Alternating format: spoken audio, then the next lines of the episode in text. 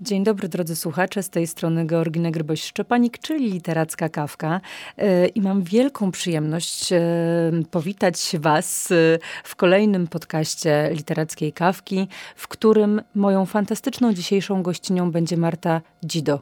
Cześć Marto, dzień dobry. Cześć, dzień dobry. E, zanim zaczniemy rozmowę tak zwaną właściwą, pozwolę sobie przeczytać e, krótkie biomarty. E, gdyby ktoś był zaskoczony i nie wiedział, o czym będziemy rozmawiać i z kim rozmawiamy, to już będzie miał jasność. Marta Dzido, czyli autorka książek Ślad po mamie, Małż, Matrioszka, Kobiety Solidarności, Frajda, Sezon na truskawki. Współautorka wraz z Piotrem Śliwowskim filmów dokumentalnych Paktofonika, Downtown, Solidarność według kobiet, Siłaczki. Laureatka nagród Hollywood Eagle Documentary Award, Krzysztof Kieślowski Beyond Borders Award i European Union Prize for Literature. Czy wszystko się zgadza, Marto? Tak, wszystko się zgadza. Bardzo, bardzo Ci dziękuję, że mnie przedstawiłaś. Po, potwierdza, potwierdzasz i niczego nie dementujesz, więc już jesteśmy na dobrej drodze. E, tak. tak jak wcześniej Ci powiedziałam, moja przygoda z Twoją twórczością zaczęła się od frajdy i pamiętam, jaki niesamowity przeżyłam wtedy taki emocjonalny, e, emocjonalny wstrząs, dlatego, że ktoś nagle się wdarł do mojej głowy i wyciągnął e, nastoletnie historie, a ja cały czas się zastanawiałam, jak to jest możliwe, że ty masz tak świetną pamięć e, do tak naprawdę nastoletnich, albo może nawet nie nastoletnich, nie zawsze nastoletnich, ale też takich wspomnień jednak młodych kobiet, które przeżywają pierwsze miłości, pierwsze uniesienia, pierwsze łaknienia. E, ty po prostu tak dobrze pamiętasz, jesteś w stanie sobie odtworzyć swoje emocje, czy masz ucho do tego, co podsłuchujesz u, u innych? Jak to u ciebie wygląda? Wiesz co, chyba, mm, chyba to wynika z tego, że ja bardzo staram się pielęgnować w sobie y, tamtą dziewczynę, którą kiedyś byłam. Y, I ona przez jakiś czas była uśpiona, ta nastolatka, która we mnie cały czas jest i pamięta i czuje. Y, no z racji tego, że po prostu dorosłość ma, rządzi się innymi prawami i kiedy ten nastoletni wiek się kończy i wchodzimy w, w ten, w ten wiek dorosły to po prostu e, rozpoczyna się jakiś pęd życia e, i człowiek nie ma czasu i zapomina o, o tym, kim był, kim była, czego pragnęła, o czym marzyła. Mm, a ja od jakiegoś czasu bardzo, mm, bardzo staram się do tej dziewczyny dostać różnymi możliwymi sposobami, e, wysłuchać jej i, i cały czas czuję, że w jakimś sensie, mimo że jestem już 40-letnią kobietą, to w jakimś sensie jestem też tą 15-16-letnią e, dziewczyną gdzieś tam. I chyba, chyba dlatego, chyba dlatego, że, że o tym pamiętam i że, mm, i staram się wzbudzać w sobie taką mm, ekscytację, ciekawość świata i, i mimo, że mam już ograniczone możliwości przeżywania e, wielu rzeczy po raz pierwszy, bo, bo po prostu z racji tego, że mam już tyle lat, ale, mm, ale staram się mimo wszystko y, jakoś tak y, pielęgnować te emocje i te uczucia. A zadawałaś sobie czasem e, takie pytanie, czego nauczyłaby mnie tamta Marta, poza tym zdziwieniem, o którym mówisz, czy właśnie e, przeżywaniem po raz pierwszy? Czego, czego pamięć o Marcie uczy dorosłą Martę? O rety, to już tak wchodzimy w, tak w taką bardzo moją prywatność. Trochę tak. Zawsze, zawsze możesz, wiesz, mnie po prostu zostawić z tym pytaniem i ja się będę, wiesz, zastanawiać.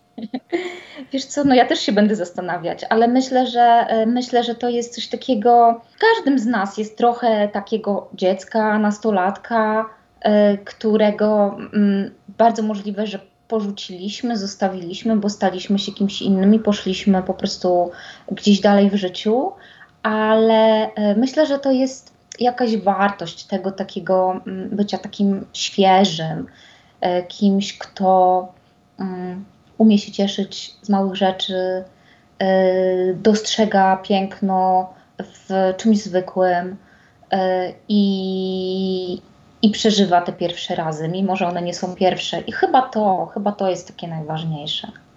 E, wiesz, pytam Cię o to dlatego, że e, w swoich książkach piszesz e, tak naprawdę o różnych perturbacjach życiowych. One wszystkie mają jakiś wspólny mianownik w postaci kobiety, w postaci cielesności, w postaci też drugiej osoby, a w zasadzie drugich osób, które dopisuje się do, do kobiet, bo, bo ja jednak odbieram tą prozę jako taką bardzo kobiecą. I w jakiś sposób, e, ja wiem, że bardzo e, literaci tego nie lubią, kiedy przyszywa im się taką etykietę głos pokolenia, albo jakiś wrzask dużej grupy osób, albo ujednolicenie pewnych emocji. Ale powiedz, gdzieś, e, gdzieś miałaś podskórnie wrażenie, że opowiadając o pewnym okresie, pewnym czasie, pewnym miejscu w historii, czy o swoich doświadczeniach, siłą rzeczy wejdziesz też do głów kobiet, które na przykład urodziły się blisko, blisko ciebie w sensie czasowym i że szereg wspomnień i szereg emocji będzie bardzo um, uniwersalny dla nich do przeżywania? Ja bym to, wiesz co, ja bym to też rozszerzyła, nie tylko kobiet i nie tylko moich rówieśniczek, bo myślę, że emocje, które przeżywamy są wspólne niezależnie od czasu, w jakim się, e, w jakim się urodziłyśmy, ile mamy lat.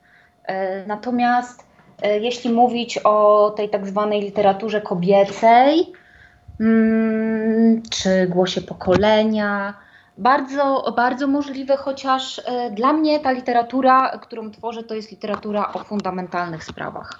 Po prostu ona jest o życiu i ona jest o takim życiu i o takich aspektach tego życia, które były, były często przemilczane, były spychane gdzieś na margines, były traktowane przez e, innych literatów e, jako ewentualnie jakieś drugie, trzecie plany, ozdobniki.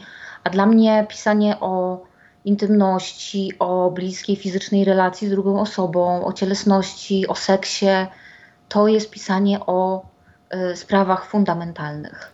I być może można je nazwać kobiecymi, ale ja bym je też w równym stopniu nazwała męskimi, albo w ogóle bym uniknęła tych mm, przymiotników, e, tylko bym powiedziała, że jest to po prostu o człowieku.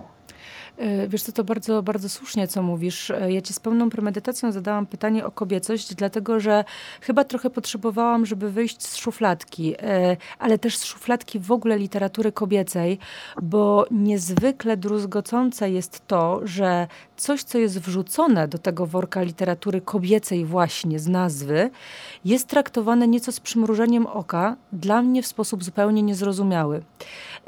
I mam wrażenie, ale może to jest błędne wrażenie, że e, nasz język wydaje się dla wielu językiem nie, nieprzystosowanym albo zbyt ubogim do pisania o seksie, albo o intymności, właśnie, albo o ciele.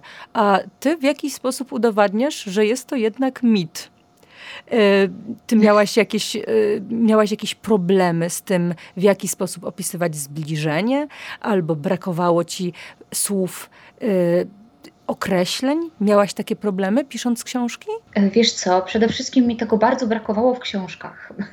O, właśnie. Zastanawiałam się, e, jak to jest, że tak bardzo istotna, ważna sfera naszego życia jest e, sferą nieopisaną, a jeśli już jest opisywaną, to jest ona sferą zwulgaryzowaną albo potraktowaną jako mm, pornografia, ewentualnie gdzieś jakoś tak mm, bardzo, bardzo kulawo używając sformułowań anatomicznych, medycznych albo jakichś po, przedziwnie poetyckich, że tak naprawdę brakowało mi takiego naturalnego, szczerego opowiedzenia o tym doświadczeniu. I mm, potraktowałam to jako wyzwanie w jakimś sensie, bo, mm, bo próbowałam o tym pisać troszeczkę w moich pierwszych y, powieściach.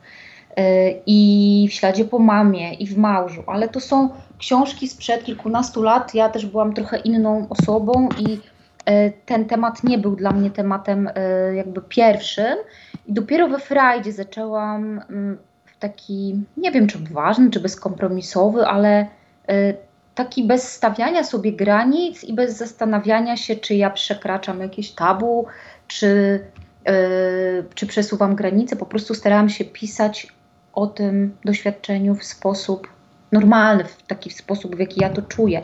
I sezon na truskawki jest takim chyba pójściem jeszcze dalej, tym właśnie zmierzeniu się z wyzwaniem, bo jednak język polski, mimo że ubogi, by wydawać by się mogło, że ubogi, on jest bardzo bogaty i tak naprawdę określeń do opisywania tej sfery jest bardzo dużo i można czerpać zewsząd.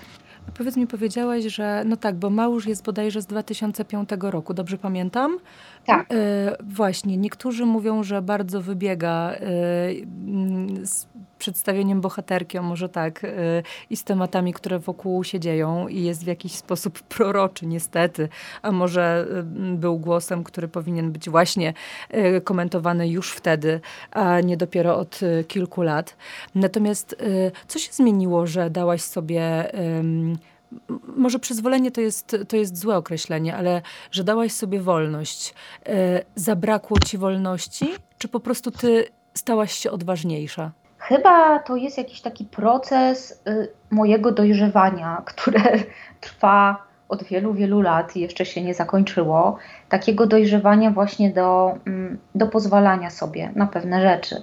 E, kiedy pisałam Małża, e, to to jest książka, która się wzięła po prostu z wielkiej niezgody, buntu, złości, rozczarowania tym, jaka rzeczywistość jest y, nieprzyjazna, można powiedzieć łagodnie, nieprzyjazna młodym kobietom. Jak bardzo chce się nas wtłoczyć w jakieś określone ramy, schematy, y, jak bardzo, mm, jaka jest wielka presja na nas wywierana, żebyśmy spełniały jakieś oczekiwania. I ta bohaterka Małża to jest dziewczyna, która E, tego nie chce. Ona jeszcze może nie wie, czego chce, ale wie, że nie chce właśnie tego. Ona nie chce być e, stereotypową kobietą, iść jakimś utartym szlakiem, który, którym idą wszyscy. Ona się nie czuje w tym kostiumie dobrze i stara się ten kostium zrzucić. Natomiast, mm, natomiast moja późniejsza literatura jest już takim, może nie wyrazem sprzeciwu, buntu czy jakiejś walki z systemem, e, ale jest e, takim właśnie pozwoleniem sobie na więcej.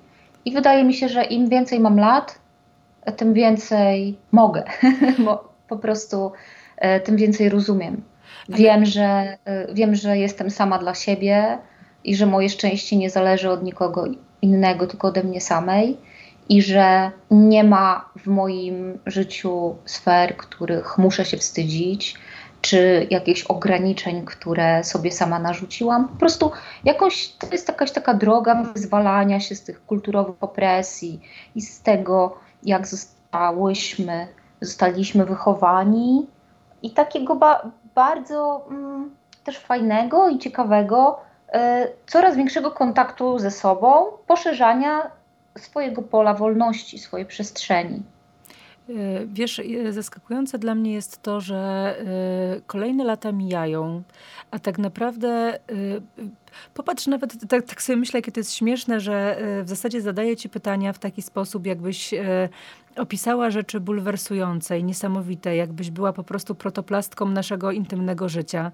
A przecież tak jak ty mówisz, to są rzeczy fundamentalne, to są rzeczy oczywiste, to są rzeczy, które się dzieją, odbywają się, nawet jeśli nie w naszych życiach, to życiach obok.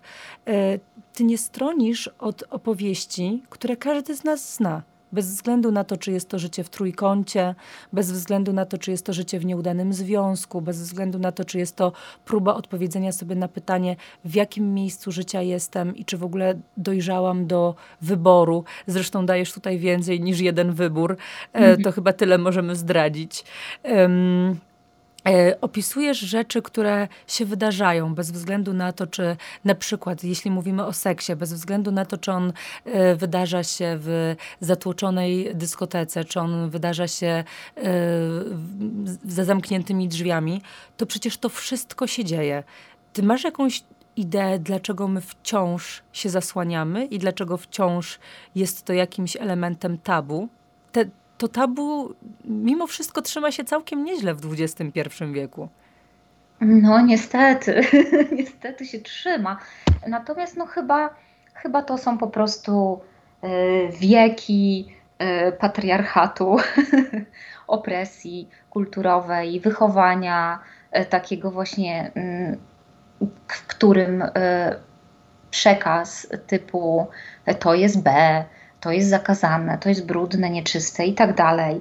To też jest w języku. Przecież te wszystkie nieczyste myśli, czy brudne, grzeszne, albo e, już nie wspominając o samogwałcie na przykład. To jest język, którym się posługujemy, który nas kształtuje.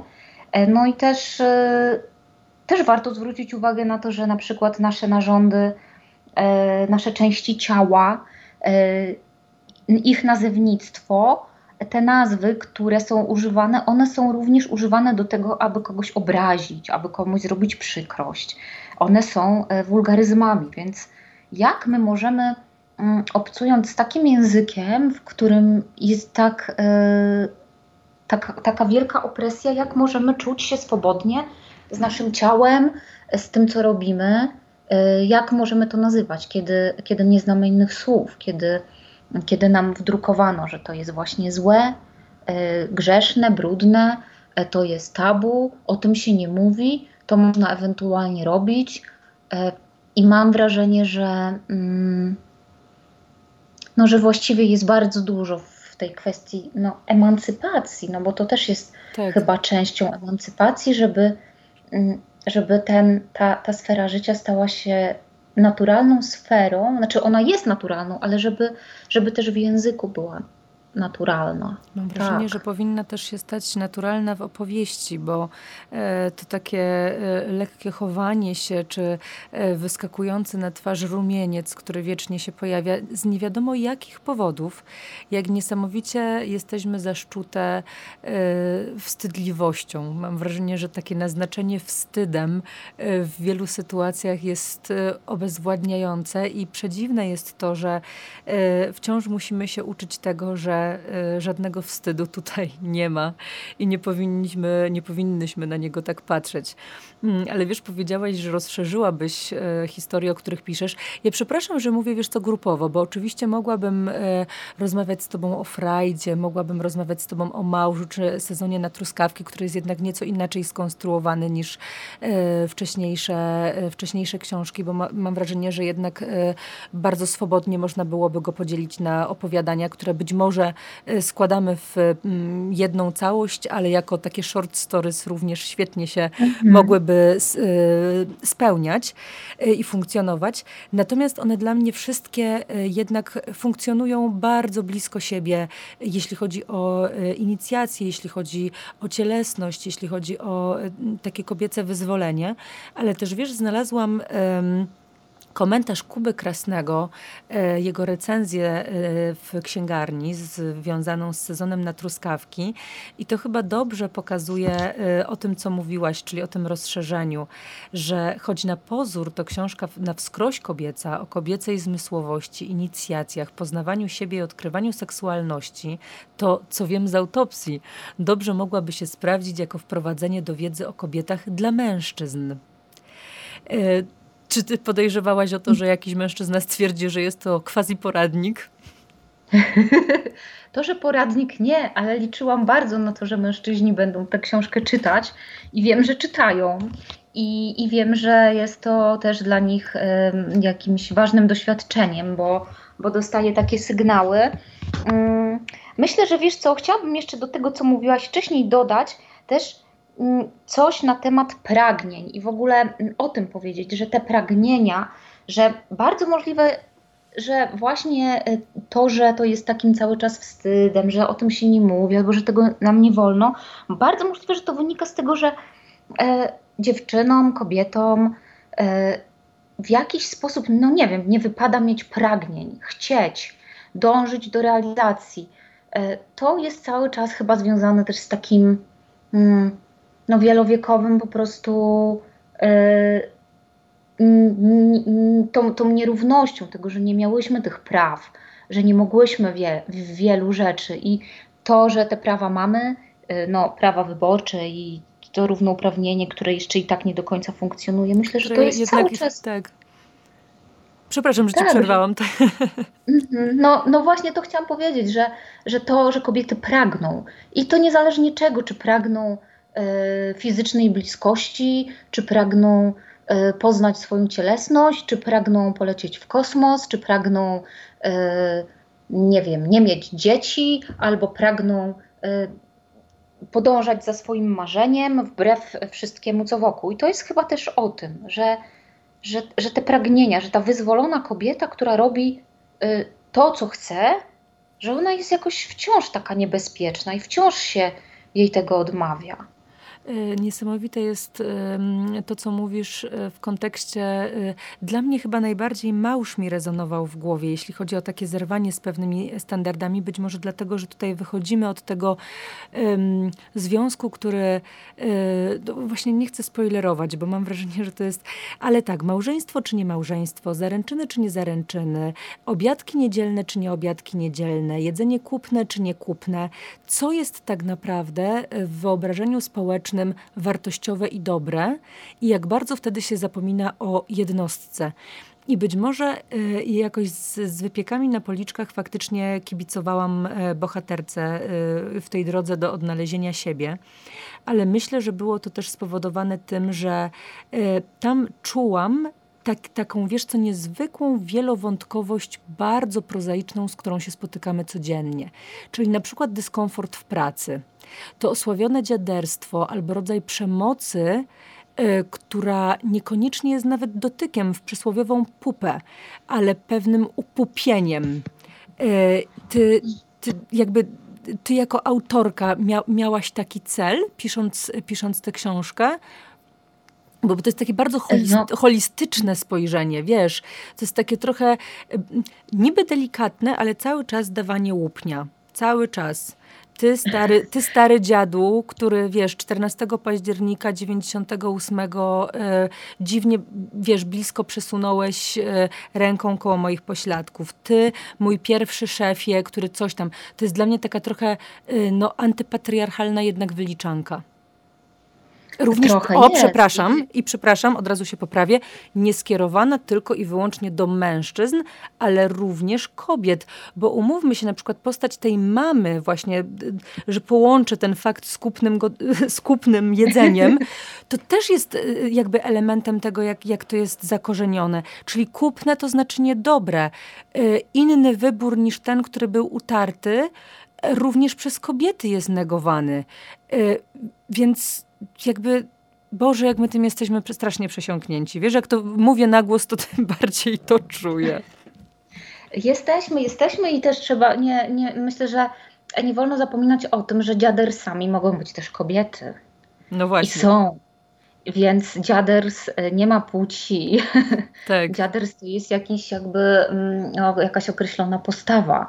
E, która, o, o, której e, pisałam 16 lat temu, pisząc Małża, kiedy jeszcze to, tego słowa dziaders nie było w słowniku i, i nie było ono powszechnie używane.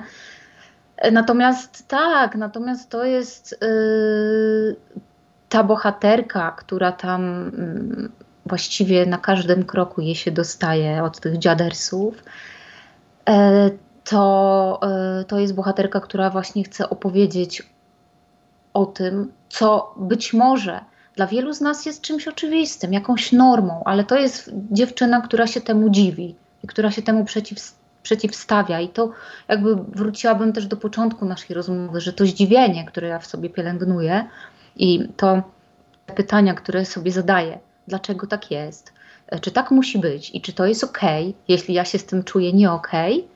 Mm, z tego się też e, e, bierze ta moja literatura. I, i te wszystkie sytuacje, z którymi się możemy w jakimś sensie utożsamić, tych, tych straszliwych, okropnych szefów, czy tych obleśnych dziadów, czy tej takiej przemocy, która może nawet nie jest przemocą jakby fizyczną, ale jest jakąś przemocą psychiczną, ekonomiczną, której bohaterka małża doświadcza, mm, czasem mam wrażenie, że dla wielu z nas gdzieś stało się to normą i, i taką, takim cichym przyzwoleniem, okej, okay, tak musi być, taki jest świat, z rzeczywistością nie wygrasz. E, natomiast no, natomiast jednak, można jednak inaczej. można, można, można, można inaczej, a przede wszystkim warto, warto inaczej, warto sobie zadać to pytanie dlaczego i czy, czy aby na pewno musi tak być, bo dla mnie jakby stwierdzenie, że tak musi być i tak jest urządzony świat, jest czymś, co ja po prostu podważam, y, nie wiem, od dziecka to podważam. Ale nie, bo ty y, jakby sama mówisz, że, że się uczyłaś. Jak, jakby, y, tak patrząc nawet, nawet na mnie, bo my jesteśmy blisko siebie rocznikowo, to mam wrażenie, że ja na przykład dokonałam ogromnego przepoczwarzenia. Y, myśląc o sobie, myśląc o kobiecości, myśląc o pragnieniach, jak to świetnie, zresztą super, że to w ogóle poruszyłaś, myśląc o pragnieniach, o tym, co robię, czego potrzebuję w danym momencie, ale mam wrażenie, że znacznie dłuższą drogę przeszłam, próbując zrozumieć jednak niesprawiedliwość w świecie, w którym żyję. Tak wiele rzeczy przyjmowałam za pewnik, właśnie to, o czym mówisz. Tak było, tak jest, tak miała moja babcia, tak miała moja mama, a może nawet i gorzej, więc ciesz się dziewczyno ze świata, w którym jesteś, a nagle okazuje się, że ten świat wypadałoby jednak zbojkotować. Wypadałoby. ja miałam, wiesz co, ja miałam troszeczkę może inaczej, bo ja byłam mm, wychowana w takim domu, E, w jakimś sensie równościowym, bo e, mój tata e, był jednym z pierwszych ojców w Polsce, którzy poszli na tak zwany urlop tacierzyński. Jeszcze czegoś takiego nie było, ale jak byłam mała, to on został ze mną w domu, kiedy byłam małym dzieckiem. I, i pamiętam, jak rodzice mi opowiadali o tym, jak, jakim to było wówczas na początku lat 80. szokiem w towarzystwie i, i w ogóle wszędzie, że y, ojciec jest z córką w domu i to jest jakieś po prostu wywrotowe. I bardzo możliwe, że, że jakby to sprawiło, że ja wchodząc w dorosłość i widząc, y, że świat jest inny, znaczy, że w tym świecie y, jednak to nie jest standardem, że, że ojcowie zostają w domu z dziećmi, czy gotują i że ten podział ról jest jak, jakiś, y, że właściwie go nie ma, że można się wspierać będąc razem, zaczęło mnie to dziwić i zaczęłam to wszystko kwestionować. E, I, i chyba nie musiałam przechodzić tej drogi do zrozumienia, że tak, tak zawsze było, bo, bo właśnie u mnie tak nie było. Ja się dziwiłam, że tak jest i że, ta, że jest jakaś taka milcząca zgoda na to. No, chyba z tego się też wzięła jakaś moja chęć do tego, żeby być tą emancypantką. E, przypomniałaś mi taką, e, taką anegdotę już chyba w tym momencie dla mnie, e, kiedy w jakiś sposób dzielimy się obowiązkami z moim mężem, ojcem moich dzieci i próbujemy się dostosować do jego zobowiązań zawodowych, czy chceń, czy po prostu potrzeb, tak samo do moich. No i na przykład sytuacje, w których tak jak dzisiaj jestem w studiu praktycznie od rana, realizuję siebie, on jest z dzieciakami. E, I pytanie e, jednej z kobiet z mojej rodziny: Słuchaj, jaki on jest dzielny, wiesz, jak on pewnie jest zmęczony, daje sobie radę. I wiesz co, moja reakcja była taka w zasadzie bardzo spokojna, ale również zbulwersowana. E, ja zadałam tylko jedno pytanie. Czy o mnie też byś się tak martwiła i też zadawałabyś mi takie pytania, gdybym to ja jako kobieta zostawała z dziećmi, skoro jesteśmy takimi samymi rodzicami? No i mhm. wiesz, i, i nastąpiła chwila ciszy i no tak, no tak, no, no czasy się zmieniły. Wiesz, ale to było powiedziane ze smutkiem, rozumiesz? To było naprawdę powiedziane ze smutkiem, że ja po prostu, jak, wiesz, jak, jak jakaś nawiedzona, wyzwolona, po prostu wychodzę i mam, wiesz, czelność tego biednego, wiesz, chłopa zostawić, zostawić z dziećmi. I to są, wiesz, to dla mnie takie dojmujące sytuacje, w których, z którymi ty się w jakiś sposób rozprawiasz w tych książkach. Wiesz co, ja się też ja się rozprawiam z, nich i w, z nimi i w książkach, i ja też się z nimi rozprawiam w, w rzeczywistości na co dzień, bo sytuacji takich o, o, o, podobnych, y, którą ty wspomniałaś, i rozmów, w których y, tłumaczyłam, y, jak ja to widzę, też miałam po prostu dziesiątki i ten moment tego zdziwienia, y, ja uważam, że on jest cenny. Nawet jeśli ktoś powie ze smutkiem, ojej, czasy się zmieniły, ale bardzo możliwe, że przyjdzie ta refleksja, że dlaczego mężczyzna y, ma być y, dzielny i dostać medal za to, że został z dziećmi w domu, a y, kobieta od lat po prostu tresowana do poświęcenia i do multitaskingu nigdy nie została zapytana o to, czy przypadkiem nie jest zmęczona tym wszystkim. Więc no to jest taka praca u podstaw, którą mam wrażenie wykonuję każdego dnia, właśnie tłumacząc ludziom oczywistości. I powiem Ci, że staram się już nie bulwersować, chociaż yy, czasami jest trudno, e, tylko staram się tłumaczyć. Czasem nawet tak jak dzieciom małym, yy, te wszystkie kwestie równości, tego niedzielenia pod względem płci, zrozumienia pewnych rzeczy. Yy, I i nawet y, jeśli jedna osoba y, przy, do, do, dotrze do niej cokolwiek, albo będzie miała e, okazję dzięki mnie przeżyć taką chwilę zdziwienia i refleksji, to uważam, że, że ma to sens, że trzeba to robić. E, wiesz, ja najbardziej lubię w takich rozmowach momenty, kiedy e, ktoś się otwiera i te kobiety, o których też mówimy, że, że są dziadersami, bo to postawa, wiesz, kiedy one się otwierają i okazuje się, że E, że pragnienia są wspólne, potrzeby są wspólne i niezadowolenie również jest wspólne, e, tylko to jest jak taki trochę naciśnięcie przycisku, który przełącza pewną narrację, a być może włącza odwagę. E, bo to, czego ja się uczę od pokolenia mojej babci, no to powiem ci, że nie jedna trzydziestolatka teraz mogłaby zazdrościć pewnej otwartości, e, pewnej lubieżności, e, czasami w mhm. opowieściach i, i odwagi, więc chyba, chyba takich kobiet i takiej mądrości sobie życzyłabym i nam wszystkim zresztą na drodze. Mm, natomiast my tu gadu gadu o kobietach, ale jest jeszcze jedna fenomenalna rzecz w twoim pisaniu, a mianowicie język. Język giętki to wcale nie chodzi o wykorzystanie języka do opisu intymności, ale też o zabawy, o zapożyczenia, o pewne niedopowiedzenia, o pewną plastyczność e, spolszczanie e, wielu, e, wielu wyrazów i pewny taki, tworzysz bardzo specyficzny rytm tych powieści, który trochę goni, pędzi czytelnika, który wprowadza w taki stan zastanowienia, a równocześnie używasz trochę takiego ulicznego języka, takiego, który jest słyszany po prostu cały czas. Nie silisz się na poetyzowanie, choć, choć poezja trochę ci czasem wychodzi. W sensie, wiesz, opisów i, i romantyzmu. E, natomiast faktycznie jest tak, że mam wrażenie, że ty się po prostu nie silisz, tylko opowiadasz czy w momencie, kiedy wprowadzasz narrację, czy w momencie, kiedy e, serwujesz nam niemalże pęd myśli w strumieniu świadomości e, swojej bohaterki. E, oczywiście, że jest to przemyślane, ale czasem się zastanawiam, czy to ci przychodzi z wielką trudnością i faktycznie musisz się pilnować i swój język trzymasz w ryzach, żeby on był w taki właśnie sposób poprowadzony na stronach, czy to jest pewien rodzaj kolejnego twojego językowego wyzwolenia, kiedy piszesz? Mm.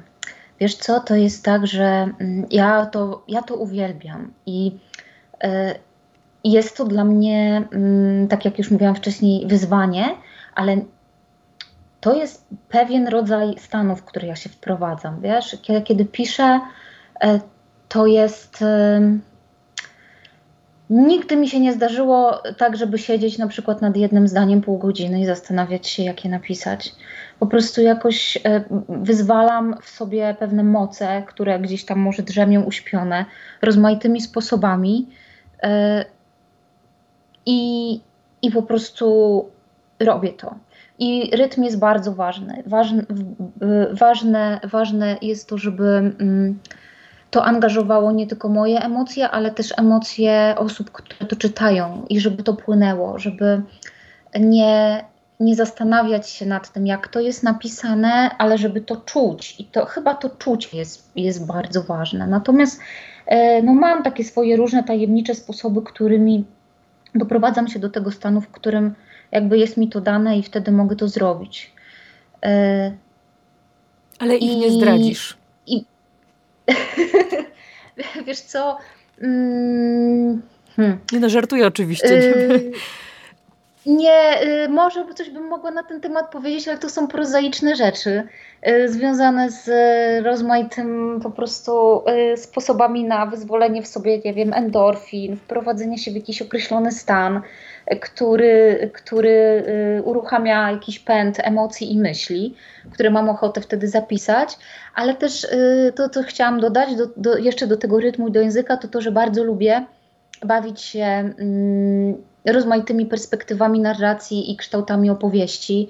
I to jest trochę coś, co, mm, czego się nauczyłam, kiedy studiowałam w szkole filmowej y, montaż, gdzie zrozumiałam, że mając historię y, złożoną z wielu scen, z wielu kawałków, ja mogę ją ułożyć w różny sposób, te kawałki, tak jak puzzle, i że dzięki temu jak ja je ułożę, one mogą mieć y, różne znaczenie i wzbudzać różne emocje. I dlatego w sezonie na truskawki są e, historie, opowiadania pisane z różnych perspektyw.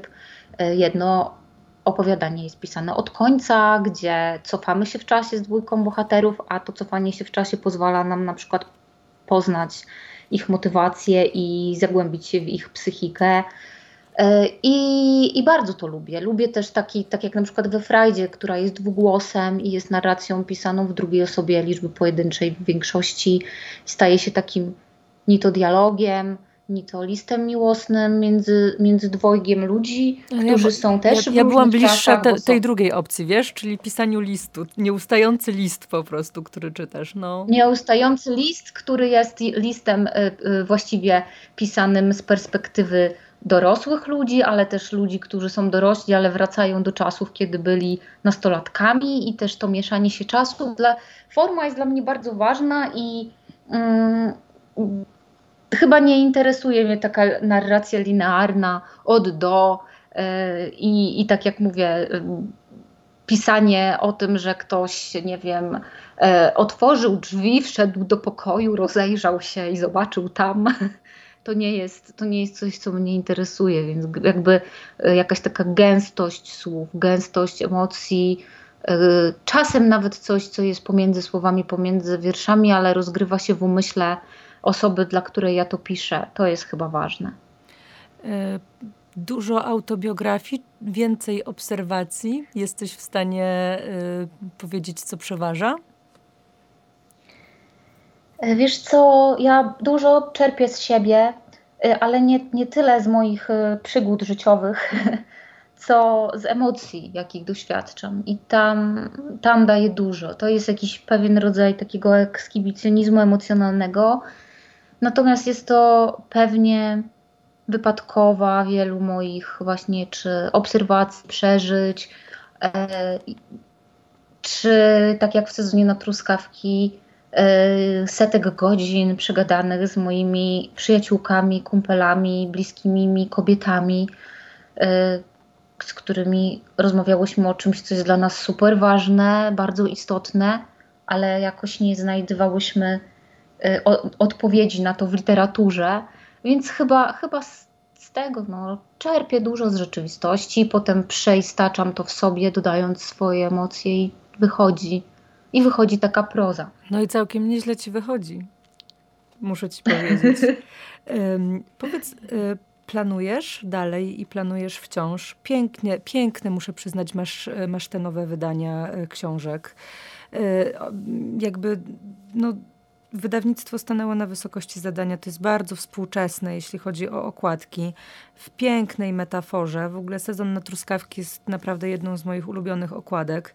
E, bardzo prostą i bardzo mocną, tak naprawdę. Mm, czego zresztą gratuluję.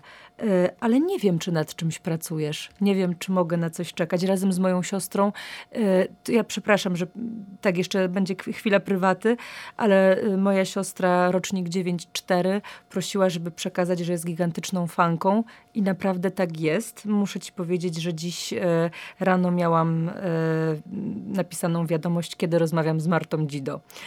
Czego moja siostra nie robi. W związku z tym nie, na, na, autentycznie tak jest i gdzieś obie myślę, że na różnych poziomach, ale, ale odnajdujemy swoje, swoje rzeczy. Ale się rozgadałam, no więc co z przyszłością i co z planami Marty Dzido?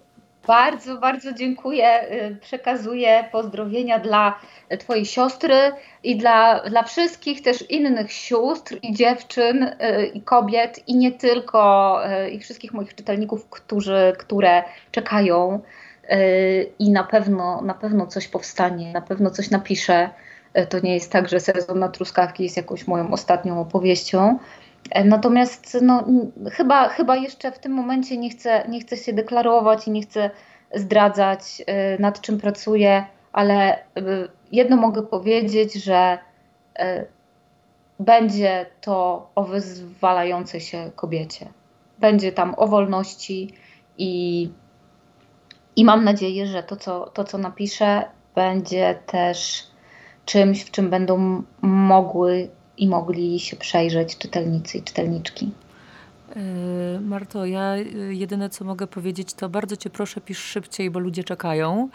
Yy, ale zupełnie poważnie, warto poczekać na coś, co faktycznie, co faktycznie otworzy. Ja mam do ciebie wielkie zaufanie i myślę, że ty się wykazujesz niezwykłą subtelnością wbrew pozorom i niezwykłym, niezwykłą swobodą w mówieniu o tym, co po prostu nas wszystkie otacza. I naprawdę z całego serca życzę ci, żeby po pierwsze to była proza szeroko czytana i szeroko komentowana, e, bo ona nie krzyczy, a równocześnie bardzo załamuje ten lud, który cały czas gdzieś tam nad nami wisi. Marto, bardzo Ci dziękuję za dzisiejszą rozmowę. Trzymam kciuki za dalsze plany, za zbieranie owoców z codziennej walki z tym, co Cię denerwuje i nas wszystkie denerwuje. Mm, I dużo, dużo dobrego. Bardzo dziękuję. Ja też dziękuję.